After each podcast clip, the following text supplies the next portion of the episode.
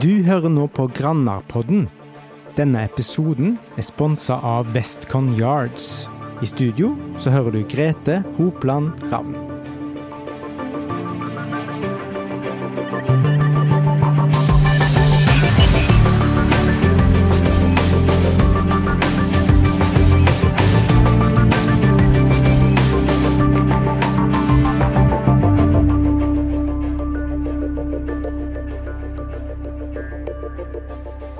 Da vi ønske velkommen til en ny episode av Grønnerpodden. Og dagens gjest det er en person som er over gjennomsnittet erfaren fjellmann. Han har levd hele livet sitt med fjorden, og han kan se tilbake på et arbeidsliv i både Vegvesenet og som butikkmann i ei krambu i Åkrafjorden. Og han har vært ordfører i Etne kommune. Velkommen til Grønnerpodden, Lars Lundahl. Ja, takk skal du ha. Du er kanskje bedre kjent som Larsmann, eller egentlig så er det det du er kjent som. men Da kan ikke du fortelle litt om bakgrunnen for hvorfor eh, Lars blei til Larsmann? Ja, det tror jeg har noe med at en slektning på oss mor mi sin side, han var, het Klokker, Lars var klokker der inne. Og ut av det så var vi i skole på Markus, vi var ikke så mange, en 30 elever vel, men av de guttene så er det sju stykker som het Lars. ja. Og da måtte vi jo ha kallenavn. Jeg gikk på Larsemann, Bjørgen, Buen, Andenesen og sånn. ja. Men jeg tror bakgrunnen har litt med klokka Lars å gjøre. Så Larsemann det er et eh, kallenavn det som hunget med deg siden du var liten gutt? Det er kallenavn, ja. Og jeg har alltid i grunnen likt å bruke det. For det var jo òg tre stykker som het Lars Lundahl, og da måtte vi jo skille litt på dem. ja. Ja. Men du sier dere var 30, dere var ikke så mange, men var 30 elever i klassen. Og det, i dagens statistikk så var jo det en helt annen hverdag på Merkhus når du var liten. Det var, det var en fin hverdag der inne, jeg må si det. Vi hadde et godt liv der inne. Vi hadde i grunnen alt. Vi hadde som sagt skole, post og andre ting. og Notalag hadde vi, sagbruk og ja, bedehus og ungdomshus. og Hvor mange var dere som bodde på Merkus når du var liten? Eh, På sjølve, sjølve tettstaden Merkus da var vi mellom 60 og 70. Men når du tenker Merkus inn forbi Tegland, så var vi med Skålenes og gårdene og forbi Merkus, så var vi vel 110 stykker. Og nå i dag så bor vi vel seks på nett nede på sjølve Merkus, og til sammen er 15-16 stykker. I min ungdom, eller barndom, så var det to hus på Tegland, men det har jo forandra seg. Akkurat. Ja, to hus på Tegland, ja. To, to hus på Tegland, ja. Mm.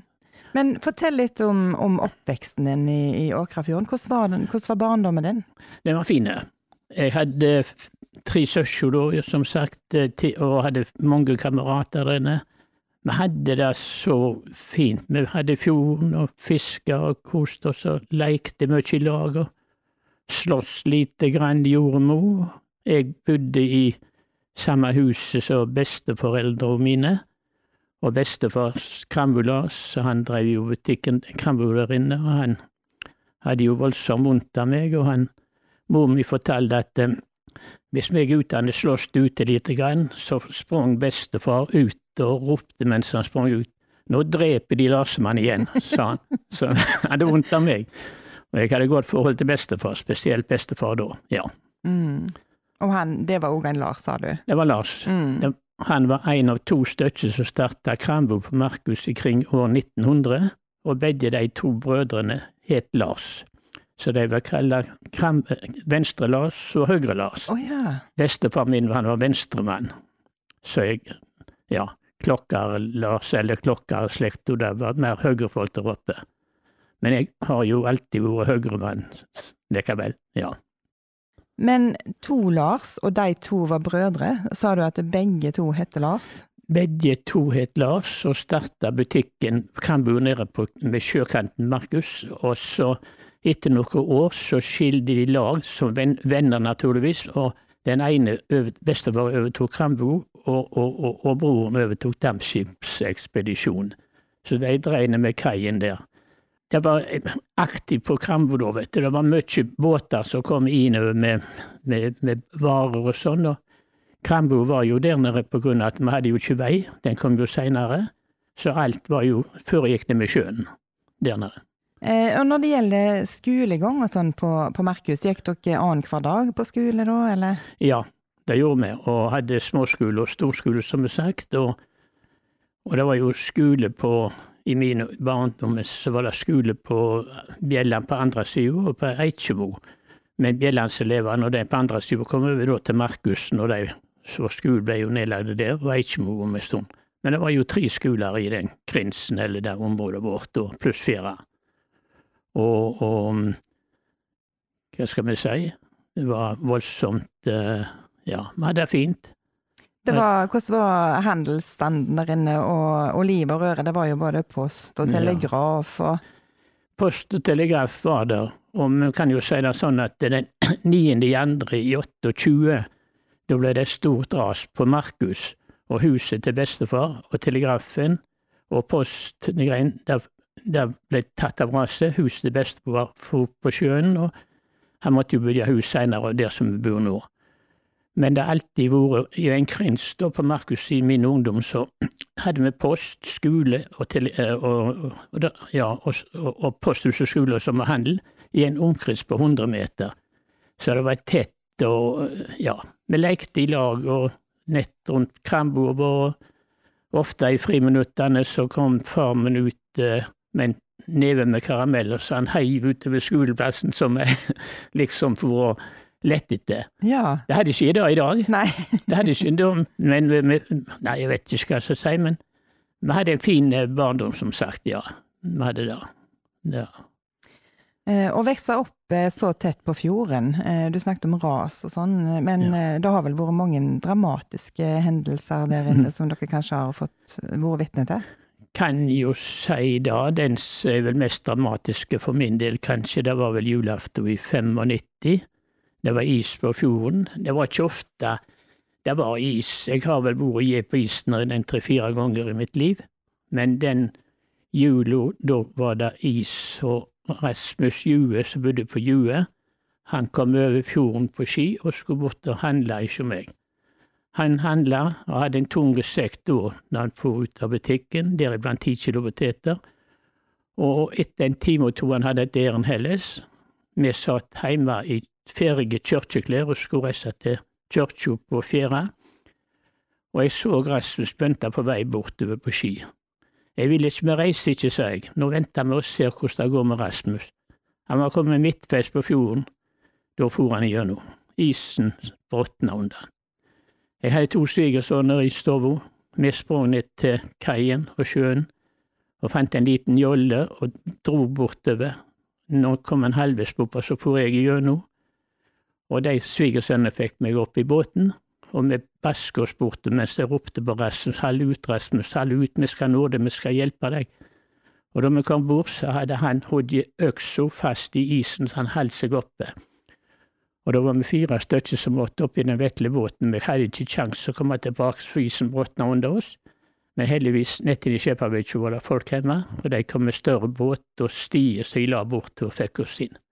Dattera mi sto i i samtale med helikopter fra Bergen, redningshelikopter hele tida. Det var dramatiske timer. Vi var våte, men jeg er glad vi var på rett tid på ja. Og, og, dette var på julaften? Dette var julaften 95. Mm. Så og hvordan gikk det med dere alle etterpå? Det gikk bra etterpå, men jeg har ofte tenkt på det. Men Rasmus han har gått nedkjølt. Men de heiv han opp i et badekar inne i Skjepavík og ja. varmte han opp. Og, ja. Så det var helt styr med det der, ja. ja. Ja, det var dramatisk. Men det var, ja. Det var, ja, det, var det. Mm. Må si det.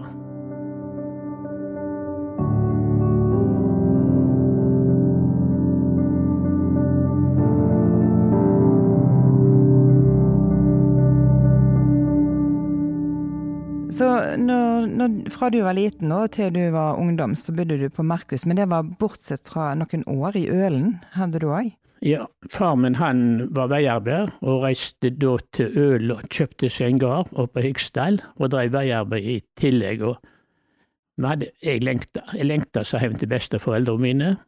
Hadde ett års skolegang i Ølen. Men i 51, da var bestefar blitt gammel. En kvann måtte overta butikken på Markus. Først var det tenkt på at eh, onkel Arne, som var gift med søster til mor mi, han skulle overta. Han skulle bygge seg hus der og overta Krambo, men Så fant han ut at han passet ikke som krambomann. Og pappen han ble spurt, og han reiste til, vi reiste da til Markus igjen. Lundalandet var nå vant å drive butikk og krambo. Så vi overtok da, og da flyttet vi hjem til Markus, ja. Far min overtok butikken der. Da var det én butikk på Markus, det var en butikk på Bjelland. Og så den butikken på Bjelland, Andenes, han flyttet da over til Markus etter en to-tre år, og var der. Og så, men likevel så starta det butikk på Bjelland, som var tre butikker på et lite område på en 150 personer. Ja. Kunne ikke gå da. Kunne ikke gå. Så Andenes han slutta etter noen få år, og på, i 65 så ble det òg slutt på butikken på Bjelland. Og da var det én butikk igjen. Og da gikk det fint økonomisk for far min og mor mi. Mor mi overtok hun da telegrafstasjonen i- nabo, naboen, så hun drev telegrafstasjonen. da. vi var ofte inne der og satt med plugger og hørte på hva folk snakket Ja. om. så det var Tullete. ja, så jeg hadde vært sånne telegrammer, da. Tele, de fikk vi to, jeg husker ikke kronebeløp, men de kunne vi gå rundt til. Så fikk vi litt penger for at vi gikk rundt med de telegrammene. Ja, akkurat. Og dette var det mor di som bestyrte? Dette hun valgte med det, ja. Mm. Så økonomien ble jo bedre etter hvert. Og etter noen år så begynte jeg med nye telefonlinjer og sånt der inne, og da hadde mor mi overnatting, og, og, og folk i, i Så hadde jeg kost og losji. Mm. Så økonomisk har vi hatt det noenlunde godt, ikke overflod. Og av butikken og sånt, og alt mulig sånt, de snakker om dato og sånne ting på varene. Vi er jo oppfostra på gammel mat omtrent. Mm. Dato utgått, vi måtte jo ete det. Vi heiv jo ned ting. Nei. Hadde ikke råd til det. Så Men en fin barndom, som sagt, og ungdomstida. Ja. ja. eh, Ta litt om ungdomstida. Hva- Hvor gikk veien videre når du var ferdig med grunnskolen? Da var det framhaldsskole i Merkhus bedehus. Markus bygde og fikk bedehus, eller bygde bedehus i 53. Og når vi var ferdige med barneskolen, så gikk vi på framhaldsskole i bedehuset. Og det var elever både fra Åkra og Fjæra og hele fjorden. Og der eh, Jeg kan ikke engelsk, jeg.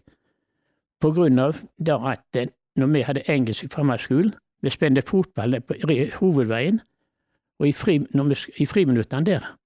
Og jeg, når jeg visste at det var engelsktime neste time, Oi. så spente jeg fotball på sjøen. For vi måtte da låne båt, og så måtte vi hente, hente fotball. Og når jeg kom igjen, så var timen gående, den. Ja. Men jeg gjorde aldri det i regning og bokføring, for det likte jeg. ja. Rekne har jeg alltid likt. Men engelsk kan jeg lite. Men eh, det, og, Men gjennomskua ikke læreren deg da? Når Jo, Han gjorde det, men uh, han nå tror jeg var fornøyd med at jeg likte gyselig godt regning og bokføring.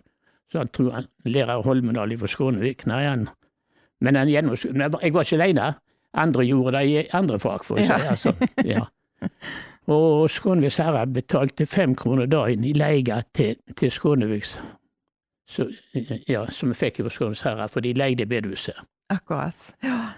Og Vedhus, mens vi snakker om Vedhus, kan vi jo si at det var voldsomt stor aktivitet. I 53 bygde med huset, og de ti første årene så var det 510 tilstelninger i Vedhus på Markus.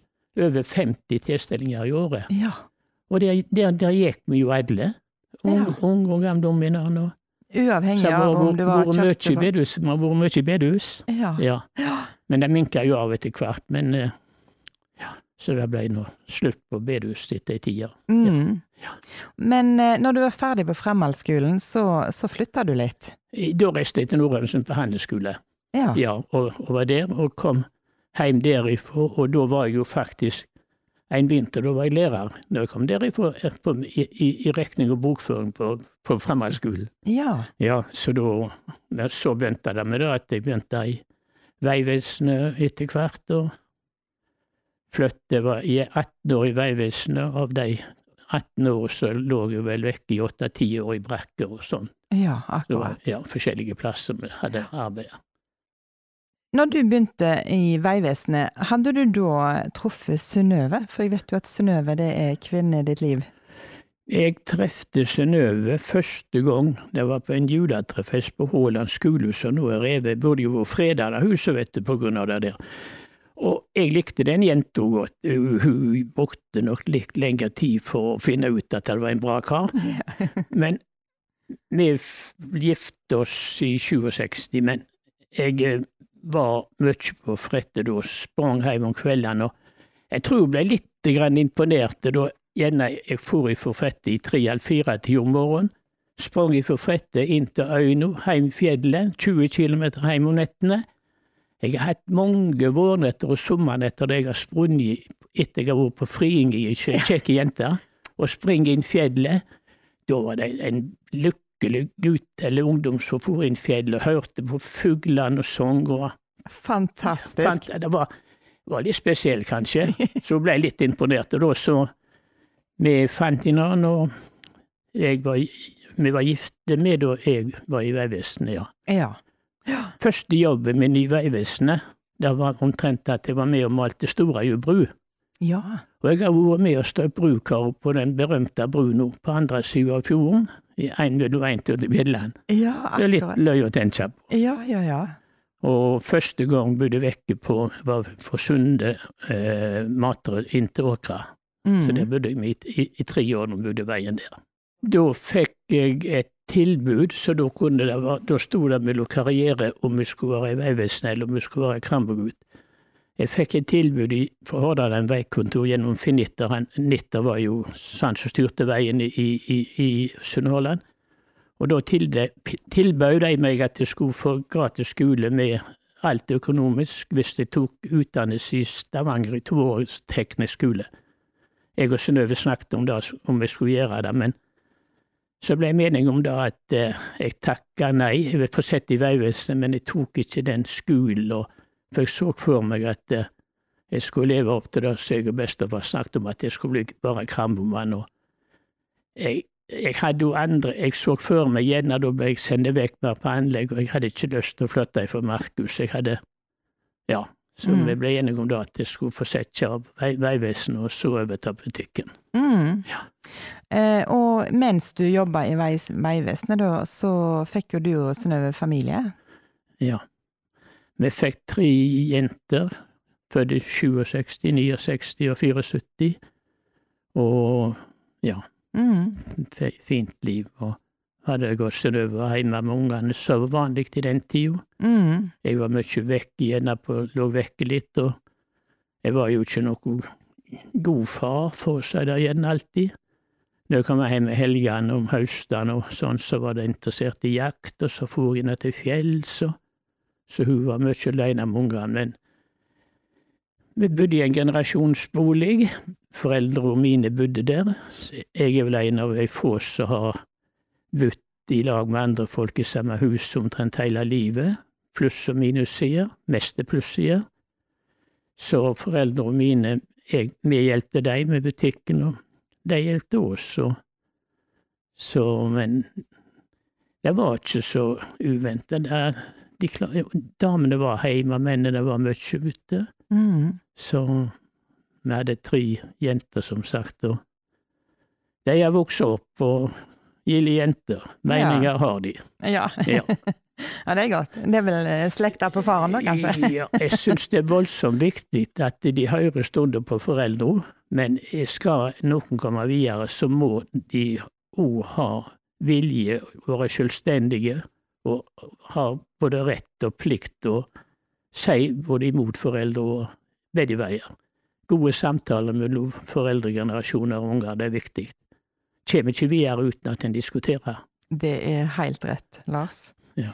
Eh, du fulgte jo den drømmen du hadde om å bli krambumann. Når ble du det?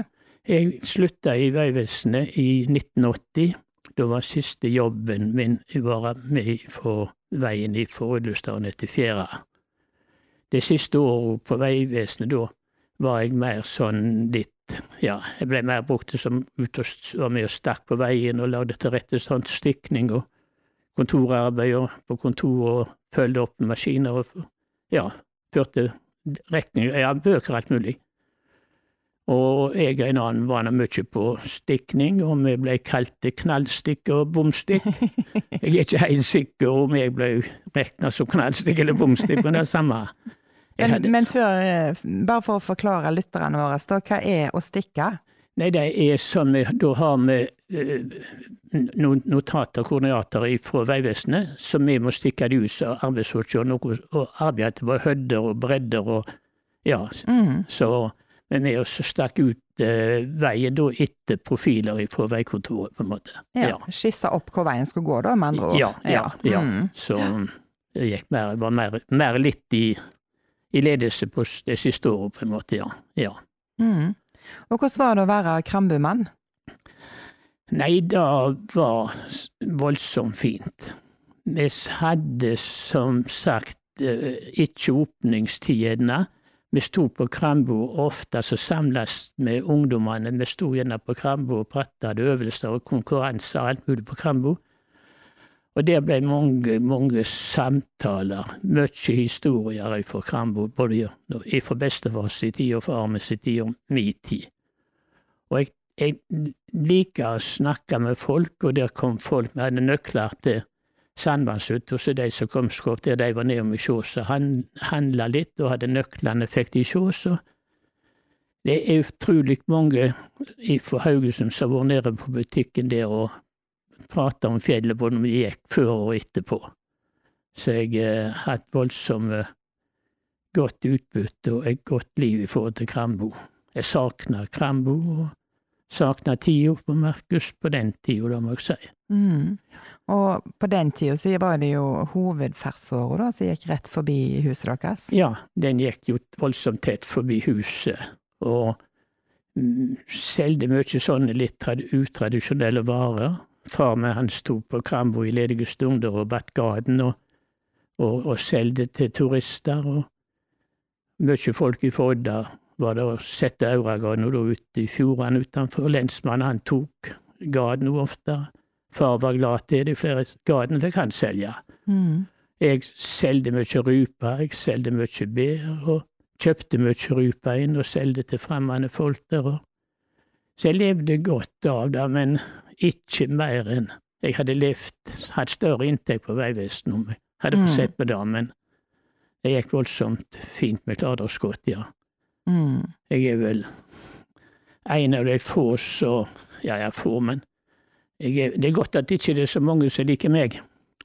For jeg, jeg er litt for Ja, det er lite Jeg, jeg bruker ting lendig. når Jeg, jeg, jeg kan visst kalle meg gjerrig, men jeg er vel nøysom for at vi skal ikke hive noe.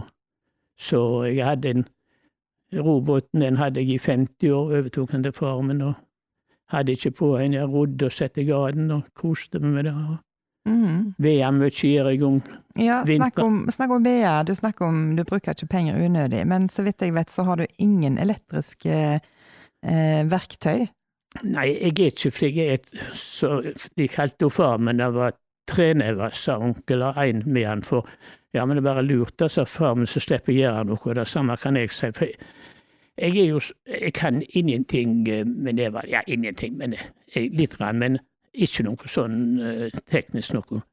Jeg veier fire-fem mål om hver vinter, og jeg har aldri ennå starta motorsag. Mm. Jeg har brukt vanlige håndsag og øks, og kosa meg med det, kan du si. Og helt manuelt, og så veier du fire-fem mål. Ja, minst det. Ja. Og bærer det på akslo er ventilerende. Får får gratis ved så kjekke grunneiere, og et fint liv her ute og hogge på ved. Du trives ute? Jeg trives ute, ja. Mm. Trives ute, jeg må si det. Alltid likt det. Og vi skal snakke mye om å være ute, Lars og Mann, men Ja. før vi går inn på det, så kunne jeg godt tenkt meg å snakke om den neste perioden i livet ditt som kom etter Krambumann. For da ble du ordfører i Etne kommune. Ja, da Jeg eh, begynte tidlig, ikke tidlig i butikken, jeg var gammel nok jeg jeg var vel tre, tre, fire, tre perioder i, i formannskap og sånn, og eh, bakgrunnen for det er vel at jeg alltid har vært opptatt av hvordan landet ble både styrt, både økonomisk og kommune og alt, og likte å engasjerte meg gjerne på mange måter litt for mye i mange ting. Aslum Mala tidligere redaktør av Grannar, Hus, sa det jo sånn. Alle bygder burde hatt en Larsemann. Jeg tok det jo positivt, men så har jeg jo tenkt på det at hun syns det det var nok romein. Og det kan jo være For helt så bra hvis alle skulle like meg på, i diskusjoner og sånn. Det kan være et, et lite lemen igjen. Jeg er vel noenlunde rolig, men jeg kan jo hisse meg opp hvis det Men eh, jeg føler da at jeg, jeg klarer å skilje sak og person. Det tror jeg er viktig i politisk sammenheng òg. Mm. Og som ordfører hadde jeg ei fin tid, jeg må si det.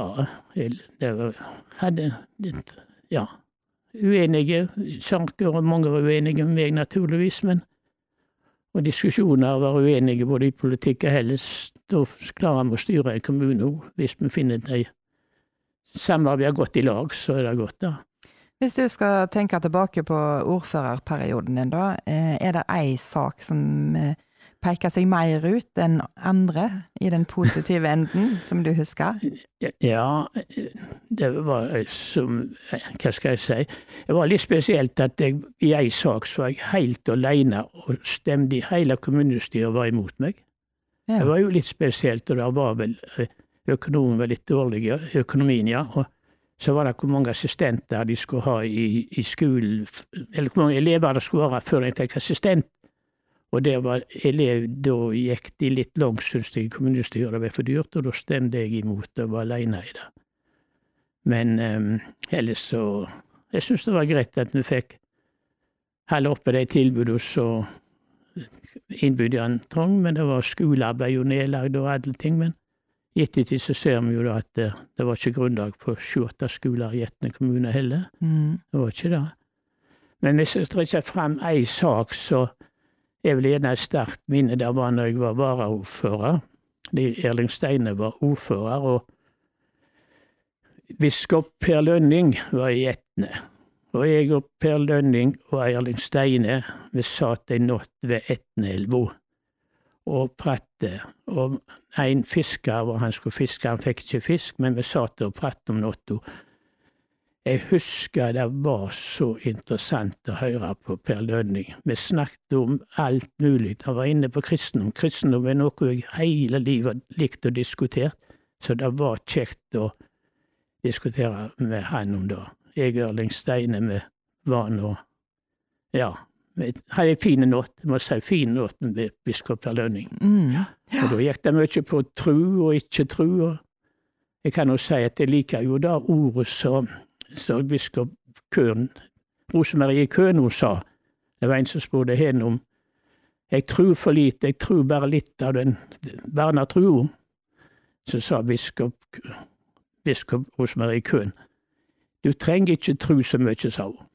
Det syns jeg er et voldsomt godt ord, for jeg liker i grunnen ikke noen hvis både kristendom og andre på det høyre og venstre side, hvis det blir for radikalt, så er det litt eh, skummelt. Jeg tror ikke vi skal helle med de ytterliggående kreftene på noe område. Ja. Så det var ei fin natt i Etnelva.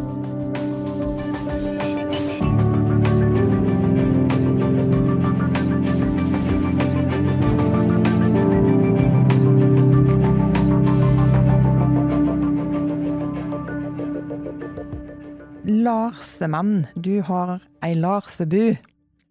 Og den har du hatt noen år? I 1961 så kom jeg og onkel Arne bort til Saudafjellet, vi var på jakt, og kom trøtte der til Långbotn om kvelden. Onkel Arne hadde hytta lenger nede, men her må du bygge deg hytte, sa han. Jeg snakket med Alfred Skålnes og Ingrid, som var grunneiere der. Jeg fikk ja, og bygde ei hytte der oppe. Året etter sto hytta ferdig. Jeg var 21 år da hytta var ferdig, og kosta meg ikke så mye med bare materiale opp og en enkel hytte. Det var ei hytte som skulle brukes til jakt og fiske, det skulle ikke komme ei kvinnfolk opp der hva jeg hadde meg bestemt. Det har jo aldri vært ei hytte, det er vel ikke hytte i Etnefjellet som har vært mer kvinnfolk. Men eh, onkel Arne han bygde hytta for meg, med bare, bare material. Jeg hadde god hjelp av mange, spesielt broder Arne. Og ja, ei enkel hytte, som sagt. før eh, jeg var gift og sånn, så ble det hytte bort i Haugesund, og leide den påskehelgene og lå der litt. Og, Mm. så Og hvor lang tid bruker du på å gå opp til denne hytta di fra Merkhus? det er cirka, Ned til Merkhus er det ca. fem-seks kilometer opp. Det er ca. 1000 høydemeter. Så jeg hadde jo Jeg får jo trent og sprunget, vi hadde jo og Jeg tok jo alltid tida, men jeg tok ikke tida før vi kom opp til Merkusgarden, for når vi gikk opp, så snakket jeg jo alltid med folk når vi gikk forbi der.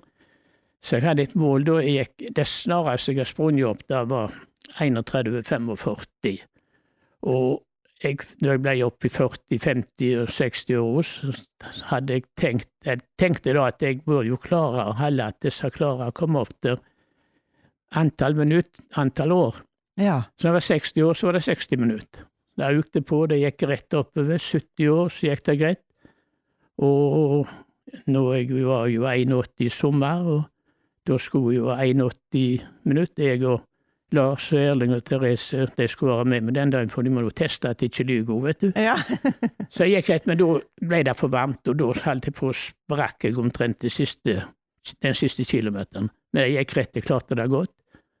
Men eh, det ble tyngre og tyngre. Klarte du det på 81 minutter? Ja, ja, det gikk Ja. fint, da. Og jeg skal jo håpe jeg klarer det ennå, men når jeg blir 90 år, så er det, mulig, det tror jeg, fysisk, uansett hvor god du er i om du har kondisjon. Det vil du- stoppe.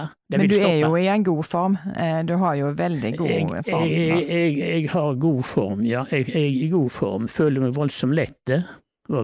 Jeg og Vettel og Therese var på en fire-fem timers tur i går Mm. igjen. Og Vetle og Therese, det er datter og barnebarn, ikke sant? Det er yngste datter og yngste barnebarn. Ja. Ja. Men hva, så, hva har du gjort for å holde kroppen i form?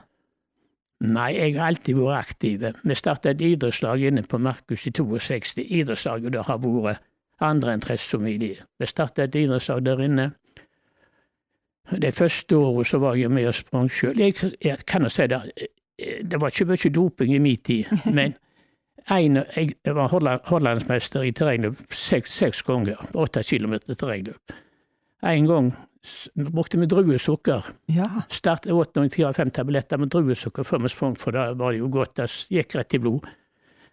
Og oppi Åsane, i 65, så sprang jeg åtte kilometer. Jeg kjente den siste kilometeren, jeg ble slakkere og slakkere, og jeg trodde ikke jeg hadde kommet, men jeg kom i mål, jeg vant òg. Ja. Så viste det seg at jeg hadde tatt fem tabletter med, med hovedtabletter som som mor mi brukte for migrenen, Oh, ja. og da gikk jeg spudde som en gris, vet du. Det kunne vært skummelt nok, da. ja. Så da, var- da, da ble det hardt. Men Da eh, slutta du med druesukker òg. da slutta jeg med drømmen. Men eh, så begynte jeg mange, ungdom, mange unger. Einar Lundahl han trente, det var det ti-tolv unger som jeg trente. Einar Lundahl trente de tekniske øvelser. Jeg trente i løping. og Idrettsøy har vært eh, voldsomt viktig. og Der har vi samles alle i bygda. Fremdeles bruker vi huset godt der inne, men idretten er mindre med. men Mm. vi hadde noen jenter og gutter der inne i ungdommen, i Donald Duck-mesterskap og alt mulig. Idrettsøy Gro har jo hatt norgesmester i hestesokasting. Det har vært norgesmester i havfiske der inne. Og Vært aktivt og aktiv etter bygda. Det fantastisk. I Gro var godt kjente på mange områder en stund. Ja. Ja, det var det. Ja. Men eh, fjellet har jo en spesiell plass hos deg, og du har jo Ja. skrevet bok òg om fjellet. Men eh, fortell litt om hva er det egentlig fjellet betyr for deg, og hvorfor er det så viktig? Nei, det er vel viktig på den måten, jeg vet ikke om det har noe med gener å gjøre, men far min han bodde jo de første 20 åra av livet sitt inne i Londal i lag med søsken og besteforeldre og foreldre der inne. Og bakgrunnen for Londals Soltje òg har vært at de kommer fra den Londalsgarden den har hatt bodd oppi der i seks-sju kilometer fra fjorden. Men jeg ble tidlig tatt med i, i fjellet. Første året så var jeg mye i Londal, med, var med og jagde opp geiter og kje og sånn om våren, eller kjeer. Men etter jeg ble litt eldre og bygde hytte, så var det jo markusfjellet for meg, kan du si. Og jeg hadde tilknytning til fjellet på grunn av fiske tidlig i fjellet, og etter hvert så ble det jakt. Men ikke det var ikke jakt og bare jakt, det var ikke bare høsten jeg likte, jeg likte våren vel så godt som høsten, for når jeg så det, etter på vinteren, det var fjellområder, det var der mer daue og alt, så kom fuglene inn om våren, som oppe hørte på orreleikjen, hørte livet. De fleste tror jo kanskje meg at det, jeg går bare og halvsever i fjellet, at jeg bare går og tar tider, men jeg liker, jeg liker voldsomt naturen. Jeg, jeg blir så glad når jeg bare ser at det der er fugler som kommer opp i samme plassen, Og om jeg kan gi mange turer opp der, så er det ikke noen turer som jeg liker. Det er alltid noe nytt å se. Det, en gang ser jeg det, og en gang ser jeg det. Jeg følger jo med på det. Ja, følger med om det, hvordan det går i liv i fjellet. Er det for lite fisk, er det for mye fisk? Vær, henting, alt mulig sånn. Og dette skriver jo du dagbøker på, gjør du ikke det? Jeg har skrevet dagbøker og skriver dagbøker og mange sånne ting. Det mesteparten av dagbøkene handler jo naturligvis om familie og bygd og litt, men mest om, mest om fjellet. Mm. Da fører jeg opp alt mulig som jeg ser. Jeg fører jo opp ryper, hele hvor mye, mange ryper jeg har sett i mitt liv, hvor mange rypekuller, alt mulig sånn, rev og føler meg i år har det jo vært spesielt med sjøørn i fjellene og skrive sånt alt. Mm. Så følte jeg da at jeg hadde skrevet så mye om sånt, og så var det jo mange av de litt eldre i bygda som nevnte på at jeg burde jo skrive ned som hadde fittetid, for jeg har alltid sagt at jeg savna så da så de gamle i bygda fortalte meg når jeg var med dem, og det var så kjekt å høre på, syns jeg, og om jeg ta vare på ting. Og, men det var jo et ja, jeg, jeg, likte ikke å skrive bok. Jeg likte for jeg følte hva har jeg å skrive om i forhold til mange andre. Jeg har holdt meg her i Njåkafjorden, og jeg har hatt det godt med meg sjøl, men det er vel et liv som ikke kan være for alle likt. Men jeg fikk voldsomt god respons på boka, jeg må si det, for Vormedal jeg tok jo initiativ sjøl, nei, men at jeg tok ansvaret sjøl og kosta boka sjøl. og Mm. Vormedal lurte på det var vanligvis når en skrev om sånne private, det var for 300-500 bøker de bestilte, sa han. Men jeg tror du kan prøve med 750, jeg, sa han, for du er nå litt godt kjent i fjellet der inne, og mange Haugesund og gjerne liker dette.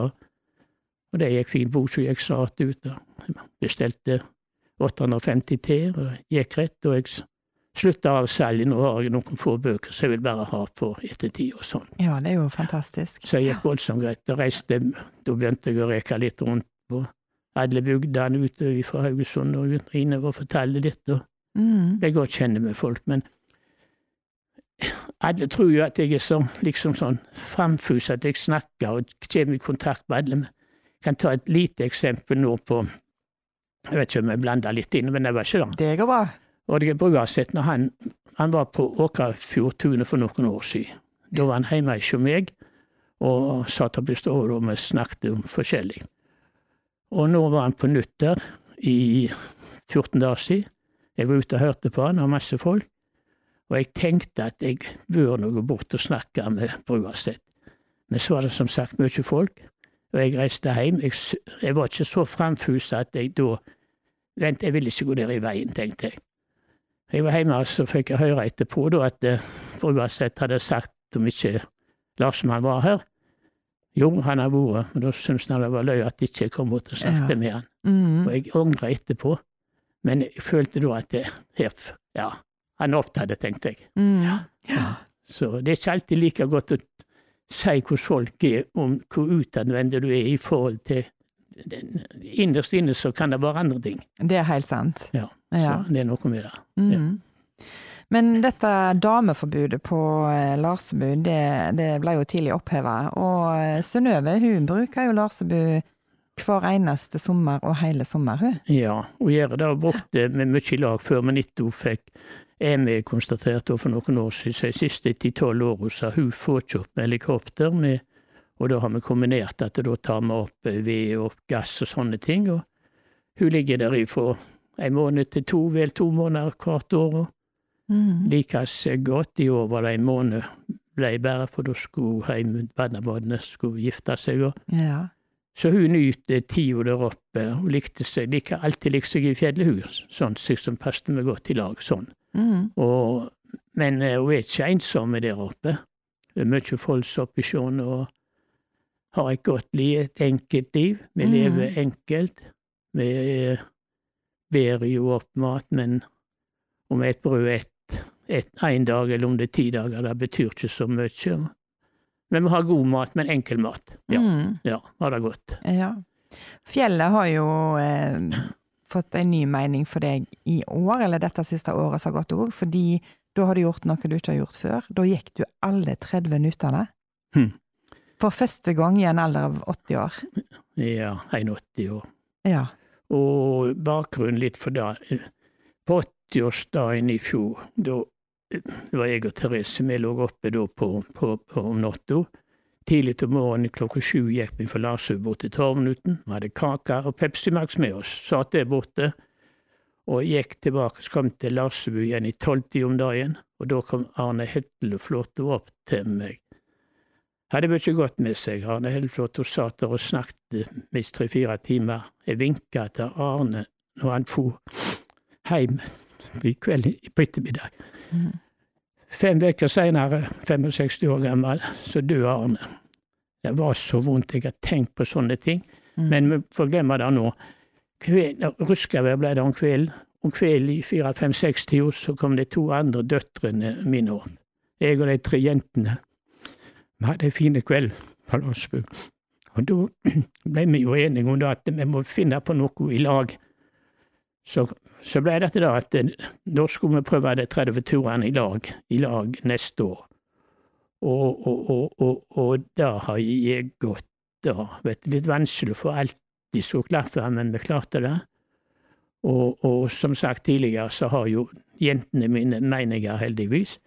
Så vi har gitt motebakke, vi gir på flate, vi gir underbakker. Og det samme har det vært med diskusjoner og sånn. Vi har Ja. krangla, vi har Mhm. diskutert, men vi har vært enige, og det har vært kjempekjekt å gjennomføre det. Og jeg er blitt godt kjent i Ytre-Etlefjellet og Skånehusfjellet, så det har vært fine, voldsomt fine sommer på den måten, jeg må si det. Ja. Var det, eh, var det denne sommeren dere tok alle 30, eller har dere tatt den i løpet av det året som gikk? Løpet det starta 1. oktober i fjor og frem til 1. oktober i år. Men vi har tatt nesten alle turene denne sommeren. Ja. Ja, gjorde vi. Begynte, tenkte litt, ja, så vi gjorde lite mer i fjor høst, ja. Mm. Så vi har tatt den opp på sommeren etter sommeren. Snakk om gode minner å ta med seg videre. Ja, bare som sagt, Jeg tror det er godt for familier å komme seg ut og være i lag ute i naturen og diskutere og Mm. le og smågrine. Ja, absolutt. Ja, det er det. Eh, Du snakket tidligere om eh, litt konkurranser og sånn, du. Mm. Og jeg har jo da eh, vært litt via omveier eh, og hørt litt om eh, ditt konkurranseinstinkt. Hm. Er det høyt? Ja, det er høyt. Ja, Eh, ja. det har jeg forstått. Hvert år så har dere en eh, konkurranse om hvem som tipper hva tid den siste snøflekken på Larseby forsvinner. Mhm. Ja. Nei, er litt lenger ned i Lio, Oh, ja! Jeg er på en annen plass, men Ja. eh, vi har det, ja. Ja. ja. ja. Hva er premien da, for den som vinner? Nei, det er tolv bokser Pepsi Max. Eller, ja. men bruker ikke noe sterkere. Nei, det høres jeg ut. Jeg har forstått det sånn eh, Pepsi Max er en, eh, noe du liker. Ja, det Ja. det. Og så har dere òg eh, konkurranse når dere spiller dart eller eh, kort. Mhm. Og da venker det òg premie både på vinneren og på taperen. Ja. Jeg eh, ofte sa at det liksom at det er jeg som eh, betaler premien ut, da, så har vi alltid darthivet mye. Mm. Og så får du jo premie litt, eh, den som vinner, da, kan du si. Mm. Og vi bruker voldsomt mye da. Men når de, når du er, de er overraska, nå skal jeg overraske deg, da. For jeg har tenkt nå at eh, neste konkurranse til julen jeg kommer hjem, da skal jeg utlove en god premie til de av Badnabodna som klarer å slå meg i hoderekning. Ja. Nå er de godt utdanna lærere og alt mulig trollskap, for å si det sånn, det er bra da, men jeg, jeg, blir skuffa over meg sjøl hvis de skal klare å slå meg i hoderekning. ja. For der føler jeg meg at jeg er noenlunde sterk rekning, og jeg, eh, det er ikke vanskelig for meg å slå dem om de har fem år bakgrunn, tror jeg. Lærer. Utfordring herved sendt. Herved sendt, og, Ja. og, og, så den skal jeg teste dem på. Ja. Nei, men premie premien er voldsomme konkurranselyst, ja. Mm. Men jeg, jeg, liker, jeg, jeg liker voldsomt godt hvis de, hvis de slår meg i en konkurranse, for det viser jo bare at de eh, ja, er At bra. de er gode. Ja, det er bra da. Ja, Ja, er kjekt da. Men har du mange heller du skal bære på plass eh, på Eller? For jeg hører rykter om at det er den som taper, for eh, må bære heller. Ja, der har de sagt av, ja. Ja. Har, eh, jeg har ikke noen store altan oppe på Lasebu, for av forskjellige vindforhold, værforhold med snø og sånn, så kan vi ikke, ikke ser jeg for meg det heller. Og der eh, ber vi hedler, sånne flate hedler, ber gjerne på det 100-500 meter, den kilometer, og, og ber etter hytta som vi har lagt rundt hele hytta. Og da må de jo gjøre en jobb hvis de taper, da må de bedre gjøre noe sånn. Og det er fint, og så det har vært mye hellebæring. Ja, det høres Ja, veldig ja. ut. Veldig praktisk. ja, det var det. Så det. Vi kan gå torskod rundt hytta med heller, iallfall. Ja. Ja. Eh, du er jo en person som liker å bruke naturen til matfat. ja, det gjør jeg. Fortell litt om det. Jeg er nå en gammel mann, og jeg syns det er mest vondt å se. Jeg pitla i fjor pitla jeg 50-60 liter i blåbær, i år gjorde jeg det, kunne pitla mye mer. Jeg synes det er vondt å gå hjem ifra lia når jeg ser at det er på hundrevis av kilo med blåbær som ikke blir nøtta. Og det samme gjelder molter og alt, men det er, det er jo mer en konkurranse, for da Men før i tida så var det jo at vi kunne mest ikke si hvor bedre hun var, for redde for at andre skulle ta dem, men nå tror vi kan si hvor de er, for det blir for lite nøtter. Mm. Jeg syns det er meningsløst at ikke noe flere bruker naturen og henter hjem gode matvarer. Jeg pitler jo kantarellsopp. Jeg pitler masse kantarellsopp, men jeg spiser den ikke sjøl, men jeg pitler til de som liker den. Ja. Ja, og de barnebarn liker alt sånt. Mm. Og fisk. ja, jeg har hørt at du eter sjølfiska fisk nesten hver dag. Etter jeg ble pensjonist, så har nok jeg og kona hatt gjennomsnitt 250 middager med fisk hvert eneste år. Ja. Men jeg vil jo tro da at det er ikke mange dager at vi har samme middagen. Vi har ulike måter, fiskes alt mulig. Fjellfisk, røykte fisk, steikefisk, kokefisk, tørka fisk. Så vi har et enkelt eh, Vi lever billig. Mm. Ja, billig. Og all denne fisken er sjølfiske? Den er sjølfiske. Nå selv den gamle båten, den, den, den ble kondemnert i fjor, så nå fisker jeg med stong mye, og hvis det blir for lite, så får fiske hos Gisle, svigersønnen min. Mm. Men det er sjølfiska fisk alt. Så vi kjøper, kjøper ikke fisk, har ikke kjøpt fisk på 20-30 år. Nei. Nei. Så det ja. Du sa en gang til meg at uh, du er inne i livets ekstra omganger. Ja. Eh, og det Du har jo òg blitt oldefar. Jeg har hatt ja. eh, eh, de tre største gavene eller mine gjennom livet, det er i tre perioder. da. Mm. Det første var når jeg fikk unger. Det var ikke bare gaver, for da var det å putle litt med det sjøl, så Ja. hjalp nå til litt. Men så ble det Badnabodden, og det var kjempegøy. Jeg ble bedre og bedre. Jeg var bedre bestefar enn enn jeg var far. Og så fikk jo Silje og Knut da to unger. Ebba og Malte. Mm. Og det var jo kjempekjekt. Og nå er de reist til Oslo og, og, og, og bor der. Og jeg må si jeg har flere overnattinger i Oslo etter jeg var 80 år enn jeg var før, Ja. før 80. Akkurat. Så Ja. sånn sett eh, voldsomt kjekt, altså. Det er det. Mm. Så De kaller det livets dessert. ja, det er helt sant òg. Det er voldsomt, voldsomt bra, altså. Det er det. Mm. Eh, hvor mange barnebarn har du? Jeg har seks barnebarn, og to oldebarn, som sagt. Ja. Så det er to barnebarn på hver datter, da? ja. Mm. Det så litt eh, mørkt ut ei stund, etter det bare ble det begynte med, jenter, men så kom det jo fire gutter, Ja. så nå er det salige blanding. Ja, Så akkurat. det er kjekt, kjekt da, at det er godt forhold til barnebarn og alt, Mm. oldebarn. Det lekker og lir mot slutten av eh, dagens eh, episode, Lars Mann, men eh, du skal få det samme spørsmålet som jeg stiller til folk, og det handler om fremsnakk. For at heimbygda di skal være en god plass å bo, er det viktig med fremsnakk. Og hvis du må velge én person så du vil fremsnakke, hvem skulle det vært, og hvorfor? Da må jeg gå litt tilbake. Da jeg var vi etablerte oss der inne, så var det generasjonsskifte i Merkusbygda. Mange var i tvil om de skulle bo der eller ikke, men onkel Johannes og sønnene Einar og Johan Dundal de kom da ut og bygde pølsefabrikken på, Mark, på Teigland. Det var jo avgjørende for bygda da, at den ble da økte det med folkekjørende, det ble arbeidsplasser og skapte liv, bygdefolk. Den pølsefabrikken den har vart. Onkel Johannes han døde tidlig, Einar han er død. Nå er det bare Johan Lundahl av de tre som kom der. Og jeg har tro på pølsefabrikken både i fortid, nåtid og tror i fremtida til den avgjørende som bygda vår. Så der vil jeg trekke frem Johan Lundahl. At han er den som syns det er bra. Lars Mann Lundahl, tusen hjertelig takk for praten. Takk sjøl.